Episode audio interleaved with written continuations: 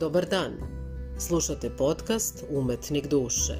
Moje ime je Jelena Stefanović. Ja sam pisac, speaker, producent, osnivač i predsednica Centra za kreativni i umetnički lični razvoj. Na ovom mestu govorimo o spoju umetnosti i psihologije, o razvoju kreativnih potencijala čoveka, uz poseban osvrt na duhovni život pojedinca uz prigodne odlomke iz literature odabrane po mom izboru kao autora i voditelja ovih emisija. Govorimo takođe i o ideologiji, misli, metodama novog doba i razotkrivamo prevaru New Age pokreta. Dobrodošli u novu epizodu podcasta.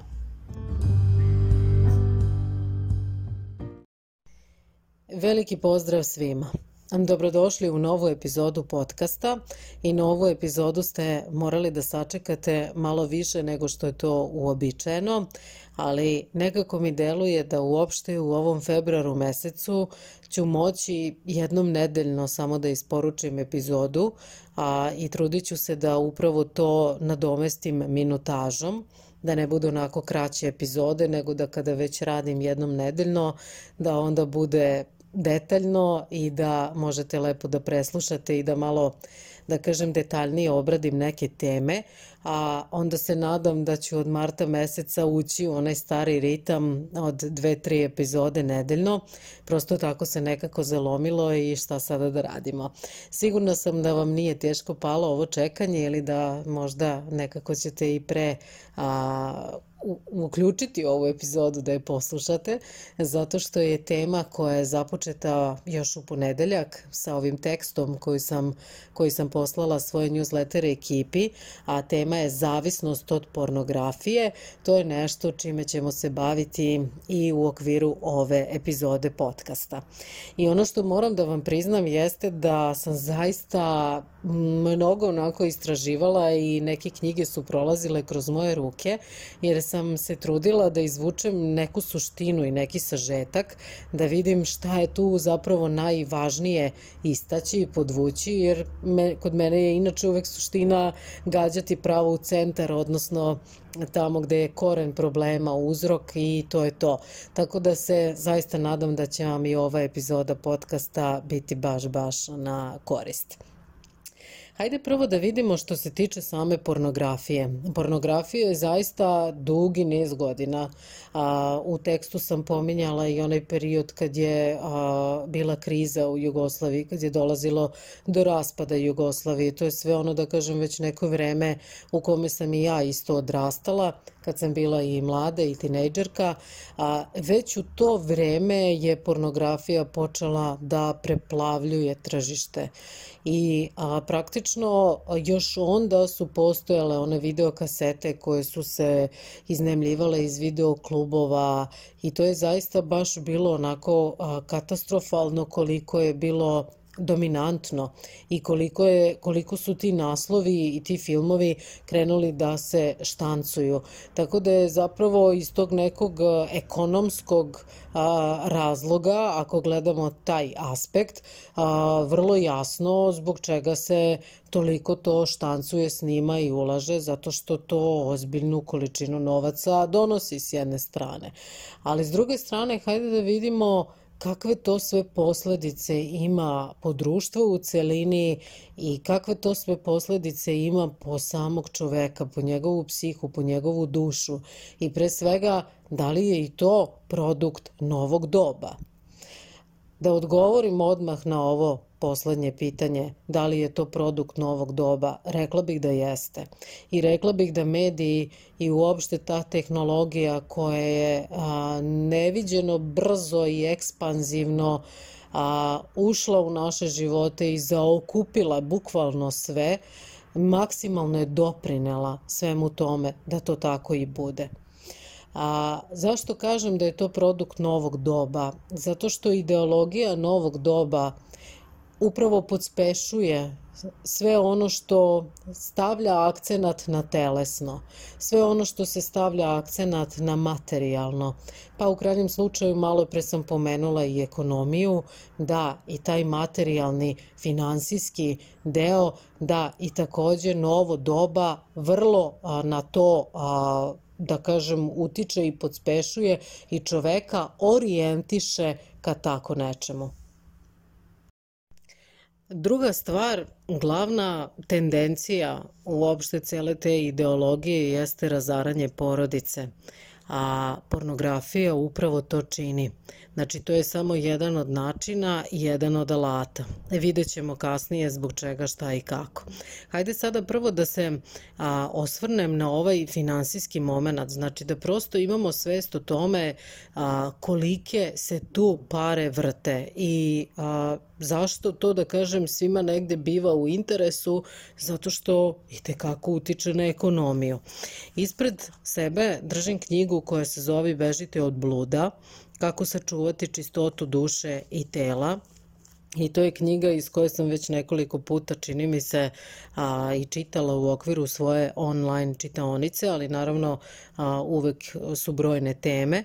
A, dakle, ovde postoji jedna izvučena statistika, a, u pitanju je časopis a, US News and World Report za 10. februar 1997. godine i kaže ovako, znači citiram, Amerika neosporno svetski lider u pornografskoj produkciji koji proizvodi tvrdi pornografski video u neverovatnim količinama do 150 novih naslova nedeljno.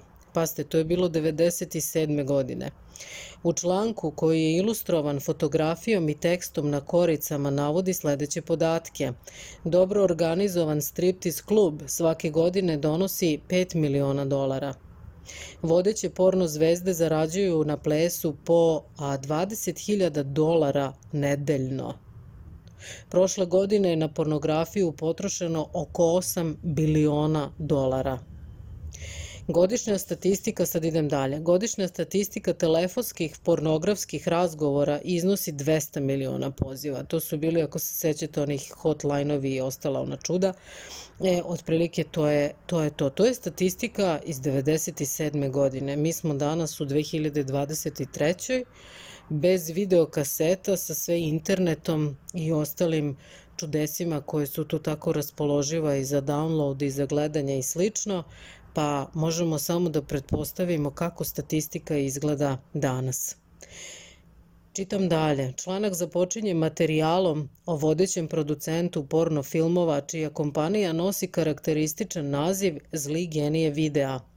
Glavna misa od članka se sastoji u tome da je pornografska industrija pretvorila ženu u bezličan objekat tuđih želja. To je zapanjujuća hronika poroka na koju će većina čitalaca baciti samo letimičan pogled, najverovatnije sa osmehom ili blagom nedoumicom, a mašina se umeđu vremenu zahuktava. I sad ovo je sve bilo što se tiče tvrde pornografije. Sad ovde se navodi da je meka pornografija toliko raširena, kaže na nju smo se i navikli, ne primećujemo uvek, počevši od relativno nevinih kataloga ženskog donjeg veša, pa sve do otvorenih seks časopisa i videa, prodrla je duboko u naše kuće i škole. Dakle, to je upravo sa tim nekim periodom o kome ja pričam, a koji se intenzivirao tako tih nekih, da kažem, 70-ih, 80-ih godina pa nadalje, To je jednostavno period kada je krenuo nenormalni atak na čoveka, na sve ono što je prirodno, na dušu čoveka i na porodicu kao osnovnu ćeliju ljudskog društva i naravno na sve ono što je normalno i što je a, prirodno. I sad ću ovde samo da se nadovežem sa citatom, odnosno odlomkom iz jedne druge knjige. A, knjigu, inače, sve ove knjige iz, kojima, iz kojih vam čitam, toplo preporučujem. Prosto ono možete ih, da ih nađete u ovim prodavnicama crkvenim i tako dalje. Knjiga se zove Jednom za ceo život, a, autor je sveštenik Ilija Šugajev i ovde je a, poglavlje koje se zove Grehovi protiv porodice. Kaže, danas se porodica nalazi u stanju kraha, ogroman broj porodica se raspada. Za nas je važno da znamo da se raspad odvija postepeno. Prvo u savezu između muškarca i žene nastaje mnoštvo pukotina, zatim iznenada najđe najmanje iskušenje i porodica se raspada. Ovaj proces počinje mnogo pre njegovog okončanja u formi razvoda. Ove pukotine su grehovi protiv porodice. Njih ima mnogo i često ih ljudi uopšte ne smatraju grehovima. Međutim, potrebno je da svako od vas zna gde i kada činimo grehovne postupke koji malo po malo uništavaju naše porodice. Čovek treba ovo da zna da bi pokušao da izbegne takve grehe ili da makar pokuša da ih ispravi što je moguće pre. I ovo sam namerno uzela kao odlomak, a, zato što se kasnije pominje upravo koliko sama pornografija, a i masturbacija, i o tome ću nešto ovde da pročitam, a, utiču na razaranje e, sa, e, samog čoveka, psihe i naravno porodice kao, kao osnovne ćelije ljudskog društva. Opet ću da napravim onu sponu sa novim dobom i sa svim tim tehnikama a, koje ta a, novo doba promoviše a, zato što danas imate na internetu toliko brojne neke tehnike, pristupe, metodologije koji govore o tome da treba da se probudi božanska energija žene, a kako žena treba da oslobodi svoju seksualnu energiju. A onda se ide dalje na priču oko, ulazak, oko ulaska u sve te, znači ulazi se u sve te daleko istočne prakse, ali a, koje su iskrivljene, znači koje nisu izvorne u svom obliku, nego su ezoterijski pravci tih istih praksi, a, iskrivljenje određenih i tradicija i kultura kroz neke priče koje su ovde promovisane na, u Evropi, na zapadu, na potpuno drugačiji način. Znači čovek se uvodi u to okultno, misleći da uh, duhovno napreduje i da će zapravo da a, time a, ne znam ni ja šta uradi u duhovnom smislu.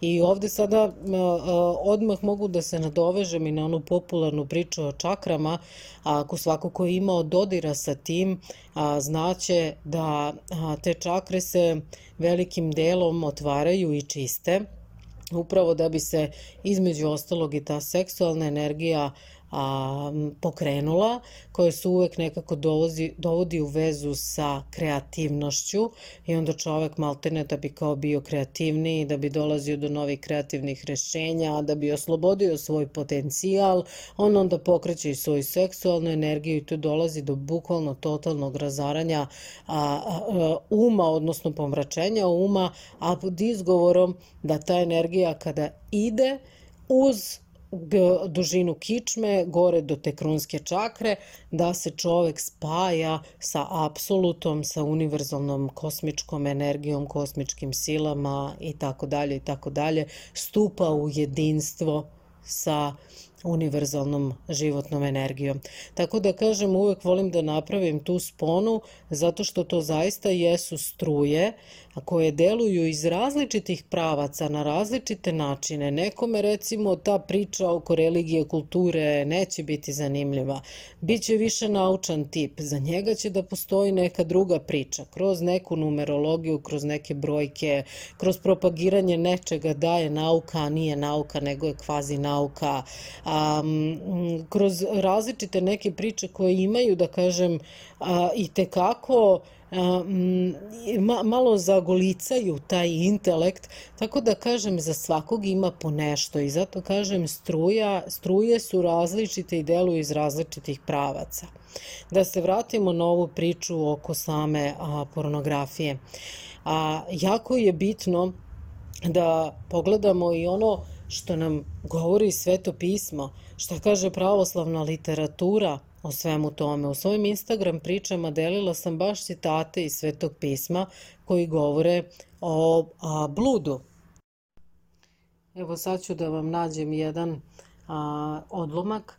A, kaže poslanica Efescima 5 kroz 5, jer ovo znajte, ni jedan bludnik, ni nečist, ni pohlepan, to jest idolopoklonik, nema nasledstva u Hristovom i Božjem carstvu.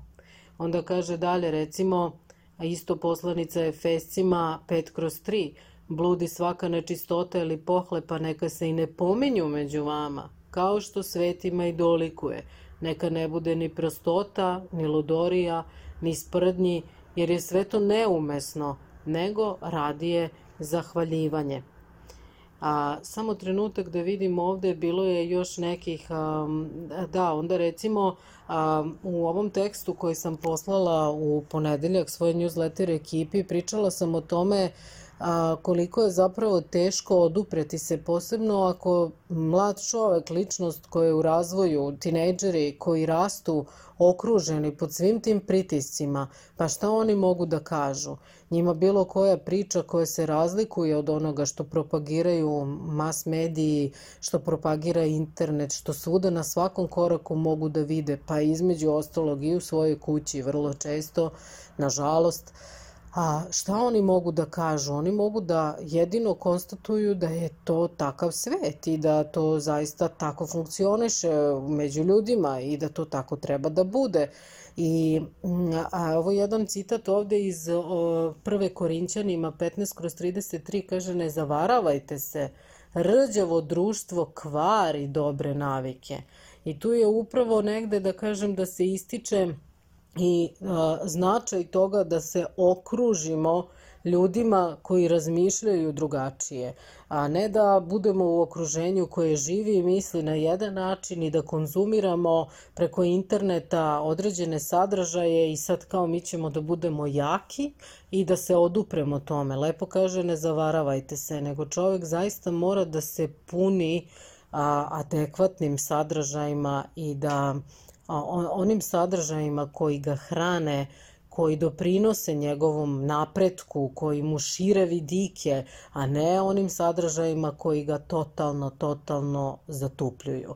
Kaže sad ovde, opet se vraćam na knjigu ovu koja se zove Bežite od bluda, baš, kad, kad, baš sada kad govorimo o tome čime se hranimo. Nemački filozof ateista Ludwig Feuerbach je tvrdio, čovek je ono što jede. Otac Aleksandar Šmeman je izvanredno preformulisao tumačenje ovog aforizma, pokazavši da je istinsko prizvanje čoveka da se hrani svetom evharistijom, postajući na taj način sve evharističniji. Ikonopis u crkvi postoji zbog toga da bi hranio razum i dušu nebeskom hranom čednosti, blaženstva i svetosti.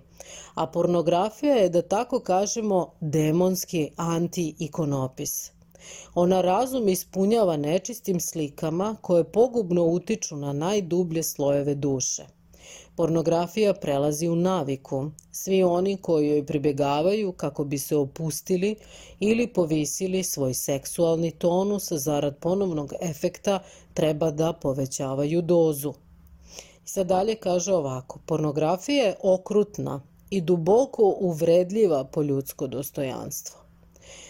Pretvorivši se u industriju, ona u objekat eksploatacije i manipulacije pretvara i sve one koji zavise od nje kao od izvora napajanja i oni koji u njoj traže sredstvo za seksualnu stimulaciju sami sebe ponižavaju. I bez obzira na to koliko značajnu dobit da donosi nacionalnoj ekonomiji, ništa ne može da ublaži našu ocenu pornografije ili da je opravda. Ako čovek zaista jeste ono što jede, pornografija je nesporno strašan otrov za njegov organizam.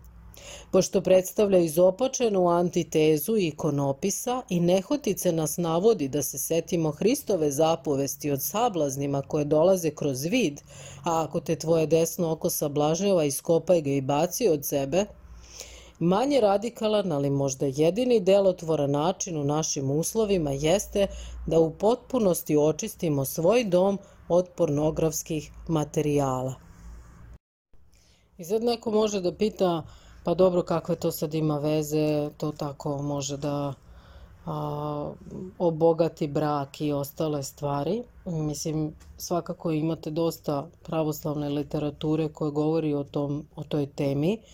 Ja ću ovde isto samo da izvučem još jedan odlomak gde kaže lišavajući najintimnije oblasti ljudskog ponašanja bilo kakve veze sa pojmovima ljubavi, vernosti i odgovornosti, pornografija objektivizira i obezvređuje seks, usmeravajući pažnju potrošača na sliku, odnosno na iluzorni objekat koji je lišen substancijalnog i stvarnog sadržaja, drugim rečima srozava i čini bezličnim čovekovo seksualno ponašanje na najuvredljiviji način.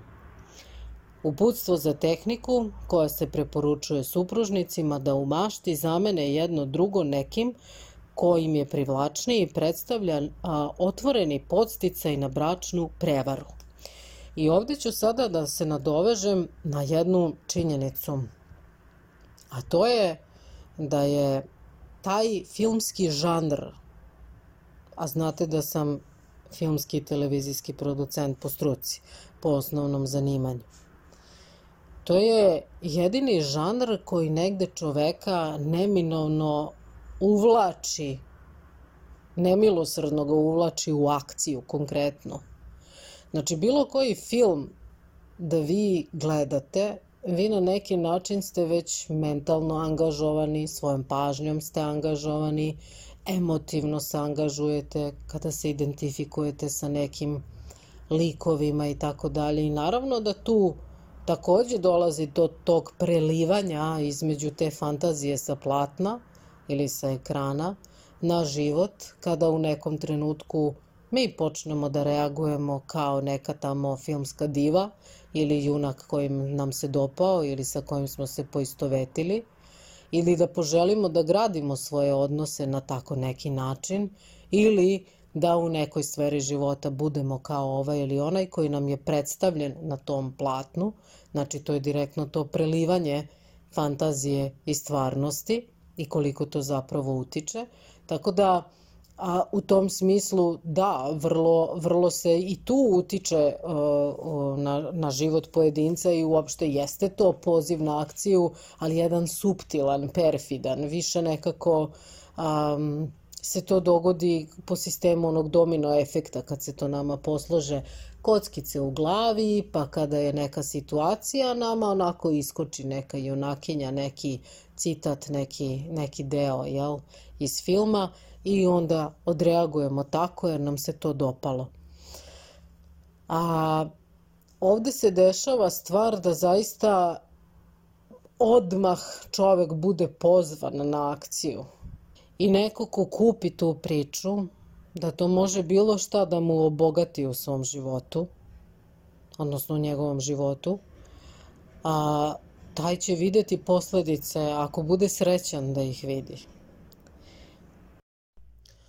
Dovoljno je samo da se setimo šta kaže Sveto pismo, a to je da pogreši onaj čovek koji već pogleda na ženu sa željom. I to se isto odnosi na ženu. A, znači, sama misao je već ta koja nas uvlači u greh. A šta se dešava kada a, neko konzumira pornografski sadržaj u kojoj svojoj glavi nema misli, nego ima čitave slike i filmove sa jednom, drugom, trećom, petom osobom. Ja mislim da se ovaj paradoks svega može nekako najbolje prikazati još jednim odlomkom koji ovde kaže, a ja se stvarno maksimalno slažem sa tim jer kažem sve vreme pričam o tom uzroku džaba, mi lečimo simptome u svakom smislu ili gledamo ono s polja ako ono iznutra nije sređeno ili ako se ne, ne sredi sam uzrok problema. Kaže, bore se protiv, protiv posledica, ne gledaju uzrok. Bore se protiv side prezervativima, ali poručuju Ako imaš kondom, to je safe play. To jest, ne treba da menjaš rizično ponašanje, nego možeš da pristupiš seksualnosti kao neobaveznoj igrici. Stavi kondom i nastavi da bludničiš. Uzmi čist špric i nastavi da se drogiraš. Zamislite suštinu laži. Lekar dezinfikuje ranu s polja, ali ne čisti gnoj iznutra. Čudimo se seksualnom nasilju, a na svakom koraku u novinama, na televiziji, na porno, internetu žena se prikazuje kao predmet koji treba silovati i odbaciti. To je najveći stepen cinizma. Jedna ruka drži šargarepu, druga štap. A sadizam trulog društva je u tome što te jednom rukom podstiču na prestup, a drugom te kažnjavaju. U ovom tekstu koji sam poslala u ponedeljak svoj newsletter ekipi, postavila sam jedno zanimljivo pitanje, jer ako u Svetom pismu kaže bit će dvoje jedno telo, pa sa koliko onda partnera smo mi postali to jedno telo, ukoliko praktikujemo način života koji promovišu oni, koji čoveka doživljavaju isključivo kao vreću, kostiju i mesa. Zaista, znači, ako je dvoje jedno telo i bit će dvoje jedno telo i to je Božja zamisao za čoveka, šta se dešava onda sa svim ovim raskinuo sam, zabavljam se, smuvao sam se, krenuo sam, ne znam ni ja šta, prvi, drugi, treći, peti, deseti pokušaj i ostalo, šta se onda dešava tada zapravo sa nama. Jer a, isto kao što sam pričala nedavno o onim telesnim vežbama, da ih ne pominjem sada, ali a, ne može da se posmatra čovek isključivo kao fizičko biće. Sve te stvari se duboko urezuju u njegovu svest, u njegovu psihu, u njegovu dušu, ostavlja se emocionalni imprint, trag. Prema tome, jako je, jako važno obratiti pažnju na to čime se punimo i kakve navike imamo. I kada pomenuh navike sada, nekim ljudima a, uopšte ceo ovaj filmski žanr, ajde tako to da nazovem, a, predstavlja jednu ružnu naviku u kojoj traže neku vrstu utehe, odnosno traže neku vrstu povezivanja a, da li sa sobom ili šta li već, ili ako pričamo o supružnicima, svejedno, koji slede jel, uputstva ovakva, a, A zapravo to je koren svake zavisnosti. Potreba za povezivanjem, potreba za bliskošću, jer se tu um, stvara onaj e, hormonalni, lažni osjećaj a, privrženosti i stvara se, odnosno dobija se lažna uteha A, još jednom vas pozivam da ako niste, a, pročitate tekst na mom sajtu koji se zove Zavisnost je simptom, a ne bolest. Možete da ga izgooglate pod tim nazivom, gde sam ja pisala, pošto me ta tema izuzetno zanima, već dugi niz godina, Od tuda sam i šaljivo nazvala svoj sajt junkisoul.com, tako da ovaj, možete da pogledate, da izgooglate i da pronađete taj tekst gde sam pričala, o, o, odnosno istraživanje sam jedno sprovela i um, tu sam između ostalog e, se osvrnula i na jedan eksperiment koji je radio jedan psiholog, ali da vam ne prepričavam tekst, pročitajte ga. Jedan samo odlomak iz tog teksta koji se baš odnosi na ovu temu o kojoj danas pričamo. Kaže, da li imate u okruženju osobu koja se stalno osjeća prazno? Takve osobe su učene da stalno i samo zadovoljavaju potrebe drugima, pa se zato i osjećaju prazno. Nikada ili redko nisu zadovoljile svoje emocionalne potrebe. Pitate se kroz koji oblik zavisnosti se ispoljava ovaj obrazac, uglavnom kroz zavisnost od porno filmova. Zadovoljstvo je u tajnosti, jer se od drugih ništa lepo i ovako ne može očekivati, a uz lep hormonski koktel koji daje osjećaj privrženosti. I naravno tu sad dalje u tekstu pričam i o meditaciji, o, onaj, o poremećaju ishrane i tako dalje. Znači, bukvalno za svaki oblik zavisnosti postoji određeni neki emotivni, ajde popularno rečeno, bug ili problem ili ne, neka problematika koja se tu dešava i prosto i kada nekome kažete od čega je neko zavistan, kad odete kod psihoterapeuta i to, on će upravo po obliku te zavisnosti moći, to će mu biti odlična smernica da zna u kom smeru dalje onda ide u radu sa vama. i kako da se dođe do tog korena problema kako bi se to zapravo prevazišlo. Tako da, evo ja sad opet sam uzela onu knjigu koja se zove Hristos je tvoja sloboda, odnosno pravoslavno lečenje od bolesti zavisnosti, gde je lepo izvučeno u jednom delu ovde je pod naslov šta je karakteristično za adikte, odnosno za zavisnike. Pa sad prosto vi možete na osnovu ovoga da vidite da li ste na nivou loše navike ili ste već debelo zavisni i šta vam valja činiti, a to ćemo na kraju da završimo sa tim pitanjima. Kaže ovako, kao prvo nedostatak poverenja u ljude davanje prednosti u opštenju sa neživim predmetima, pojavama, životinjama i decom, bekstvom u virtualnu realnost. Kao drugo, zanemarivanje svojih bioloških potreba što se ogleda u nezdravom načinu života u celini, uključujući narušavanje dijetetskog režima, promenu ritmova sna i budnog stanja, ignorisanje ranih znakova razvoja somatske bolesti, negativan odnos prema odlasku kod lekara. Znači ovo sad sve što čitam šta je karakteristično za zavisnike, odnosno za adikte.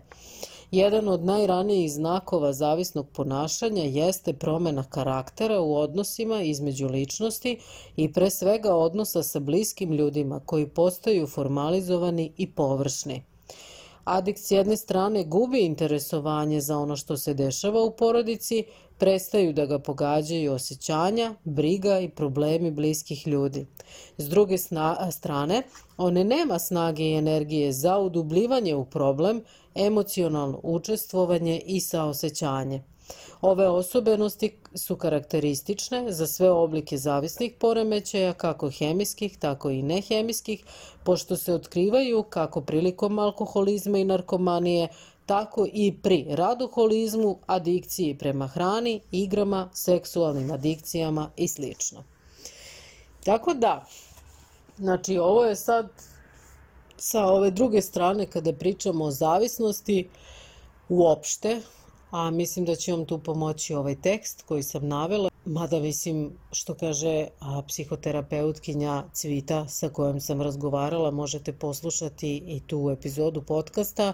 Ona kaže ja bih rekla da je zavisnost bolest, ali da, u početku to bude simptom da to nešto ne valja i takođe bude simptom da i nešto u okruženju neštima, jer zavisnik bude ona kokica koja prva iskoči iz tanjira, odnosno iz onog tiganja kad se peku kokice, a koji pokazuje da nešto tu neštima u samom okruženju. Tako da uvek valja preispitati stvari iz više uglova, treba razgovarati i pre svega treba sebi postaviti glavna pitanja. Konkretno kada govorimo o ovoj današnjoj temi, a to je zavisnost da li je to seksualna adikcija, da li je to masturbacija, da li je to zavisnost od pornografije, pornografskih sadržaja i slično, uvek treba postaviti pitanje zašto je to zamena.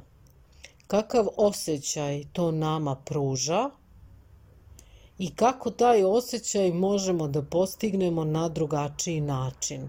Šta ključno treba da promenimo da više ne bismo bili robovi toga i od čega bežimo jer to je beg. Radoholizam je recimo beg, znači bilo koja zavisnost, kao što i ovde kaže, je beg. Negde, isto kao što smo recimo pominjali meditaciju, idem kući, meditiram, sve super, u mojom okruženju je super, mantram, afirmacije, sve slično, sve, tome slično, a na poslu imam e, maltretiranje, nemam dobru platu, ne radim posao koji volim, e, sve mi se raspada, muž me maltretira, ali bitno je da ja odem ili na časove joge ili na meditaciju i onda dođem kući, upalim svećice i lepo mi miriše i onda se ja kao opustim i onda kažem u mom životu je sve u redu. Ja živim u ljubavi i harmoniji sa svim što me okružuje. I onda sutra opet odem tamo da me maltretiraju i nezadovoljna sam i te, ali onda dođem kući, onda odem u kadu, pa sad stavim svećice, onako, pa je to sve super, napravim sebi ritual i tako obmanjujem sebe da je u mom životu sve u redu. E, zapravo ista stvar je i sa ovim sadržajima, ista stvar je sa bilo čim, da li je to beg u posao ili bilo šta drugo, gde mi zapravo treba da potražimo ključni problem. Šta je to čime stvarno nismo zadovoljni? Ako je to odnos, hajde da vidimo gde taj odnos neštima. Ako je to um, osjećaj, često recimo ljudi posebno kod mene na radionicama, pošto se bavim kreativnim tim coachingom i uopšte primjenom umetnosti, kreativnog izraza, ajde bolje tako da kažem, u radu na sebi, onda kažu imam osjećaj da nisam ostvario svoj pun potencijal i kapacitet, da nisam stao kapacitet, nije to to. Hajde da vidimo šta možemo da uradimo da to bude tako. Znači šta je to što mi možemo da preduzmemo, ka, a, kako možemo koji, ako je ovo otrov, koji nam je protiv otrov. I to je jedini način i jedini, da kažem, izlazak a, iz cele priče da tu energiju koju činjenica posjedujemo, a uopšte taj kapacitet, energetski potencijal koji imamo da ga ne bismo zloupotrebljavali, uvrtali i a, izvrtali, nego da bismo usmeravali onako kako treba, kako je na korist i drugim ljudima i nama i pre svega kako je Bogu ugodno. A, I sad kad pomenuh ugodno, isto da se nadovežem na jednu jako glavnu stvar, jako, jako glavnu stvar, već, već sam se umorila od priče, jako važnu stvar, a to je da se inače u pravoslavnoj literaturi, to ćete moći često da nađete, a, da se pravi jedna velika poveznica između stomako ugađanja i uopšte ugađanja telu, ali pre svega stomako ugađanja i upravo sa bludom ili konkretno sad pričamo o pornografiji, bilo kojoj vrsti poruka tog tipa. Znači, stomak, ugađanje stomaku, ugađanje telu u širem smislu, ugađanje stomaku u užem smislu i a, sa a, veza sa bludom, sa bludnim strastima. I upravo zato postoji, imate to i u žiti, žitijama svetitelja, gde su oni umrtljavali a, svoje telo maksimalno, a, znači strogi post i tako dalje. Tako da praktično, evo sad za kraj, a, isto nekoliko citata, naravno sve ove stvari uvek prečešljajte ako shvatite već sad na osnovu i slušanja i tekstova i istraživanja po internetu i sobstvenom tom nekom i rasuđivanju i osjećaju da imate problem sa tim, svakako se obratite svom duhovniku ili svešteniku i porazgovarajte sa njim na koji način možete da prevaziđete taj porok, tu strast, kako da se rešite toga, jer je to zaista a, pogubno a, za dušu. Kaže, Sveti Jovan Lestvičnik, onaj ko hoće da ugađa stomaku i hoće da pobedi demona bluda, nalik je onom ko ulje, uljem hoće da gasi vatru. Znači, to je što se tiče jednog ovog odlomka. Onda, evo isto ono što može da vam bude od koristi, kaže, postoje četiri stvari kojima se podstiče pohota tela. Preteran san, obilna hrana, praznoslovlje, to je ono kad pričate nešto bez veze, nemate pojma što pričate čisto da biste pričali, i a, sa šalama i razmetljivost. Znači, malo pre smo imali i citat iz Svetog pisma gde se baš priča o tim neukosnim nekim stvarima. Tako da, praznoslovlje sa šalama i razmetljivost, kaže Ava Isaija. I kaže, Ovde ne znam, nisam zapisala, ne znam kako mi je to promaklo, čiji je citat, ali jeste, a, sveti oci su svakako u pitanju. Kaže, za oni koji pristaju na bludne pomisli i naslađuju se njima, nema nade na spasenje. Naprotiv, oni koji ne pristaju na njih, nego im se i sve snage protive i mole se, dobijaju vence od Boga. I da zaokružim celu ovu priču, da ne bi stvarno ovo baš bilo mnogo da nadoknađujemo ovo propušteno od dve, tre epizode nedeljno, da ne umorim i vas.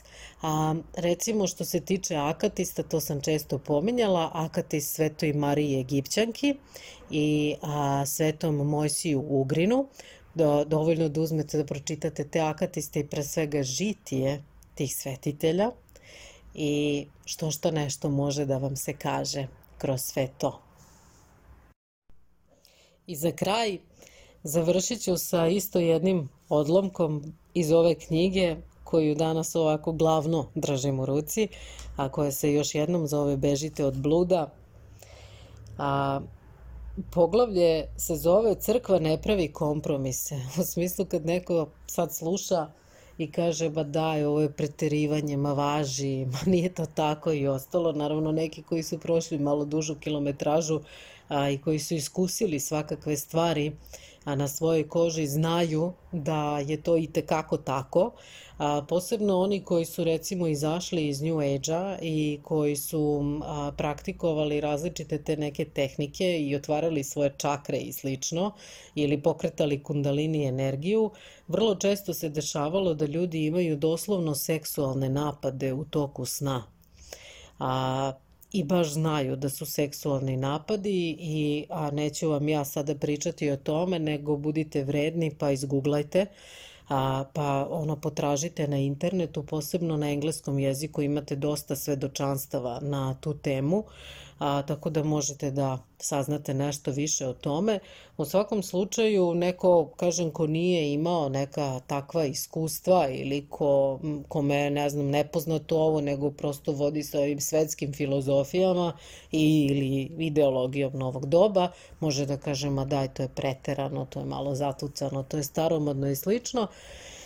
I sad kažem za one koji slušaju koji znaju, evo još jedna potvrda i kaže ovde crkva brani život, ljubav i ljudsko telo. Štiteći ljubav od smrti, ona služi životu. Vraćajući dostojanstvo telu, ona svedoči o ljubavi. I samo ovde mala digresija kad kažem dostojanstvo telu, koliko puta u porno filmovima imate i trudnice i decu i svašta nešto Pa šta je sa dostojanstvom tu? Gde je tu ikona Božja? To je tuga. Za crkvu nema znanja bez bogopoznanja i samopoznanja i nema nade ako čovek ne želi da opšti sa Bogom. Nema etike bez mistike i nema polnog života bez života duhovnog. Ne sme biti robotizacije čoveka koji je uvek i svagda ikona Božja. Za crkvu što je više vere, to je manje zakona i zatvora, što je više istinski pričešćenih, to je manje pukih potrošača, što je više uzajamnog poverenja, to je manje nasilja, što je više heroizma, manje egoizma, a što je manje egoizma, manje erotizma, koje je drugo ime za blud i pornografiju. Ljubav bez istine je flertovanje, a istina bez ljubavi je blef. Iskreno se nadam da ste uživali u ovoj epizodi i meni je žao što i u ovoliko minuta koliko sam napravila epizodu ipak ne mogu da obradim ovu temu onako detaljno kako ona to zaslužuje, tako da ću možda ostaviti neke delove koje nisam rekla, pomenula, obradila za neku narednu epizodu podcasta. Do sledećeg teksta i slušanja puno pozdrava i svako dobro od gospoda želim.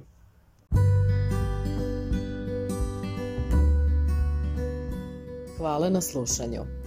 Ukoliko te zanima da i dalje pratiš ovakav sadržaj ili možda želiš da individualno radiš sa mnom, poseti sajt junkisoul.com, Instagram stranice Umetnik duše ili Jelena Stefanovica H, a možeš da postaneš i član moje newsletter ekipe, to je besplatan sadržaj, a link za prijavu je u opisu ove emisije. Do naredne epizode, puno te pozdravljam.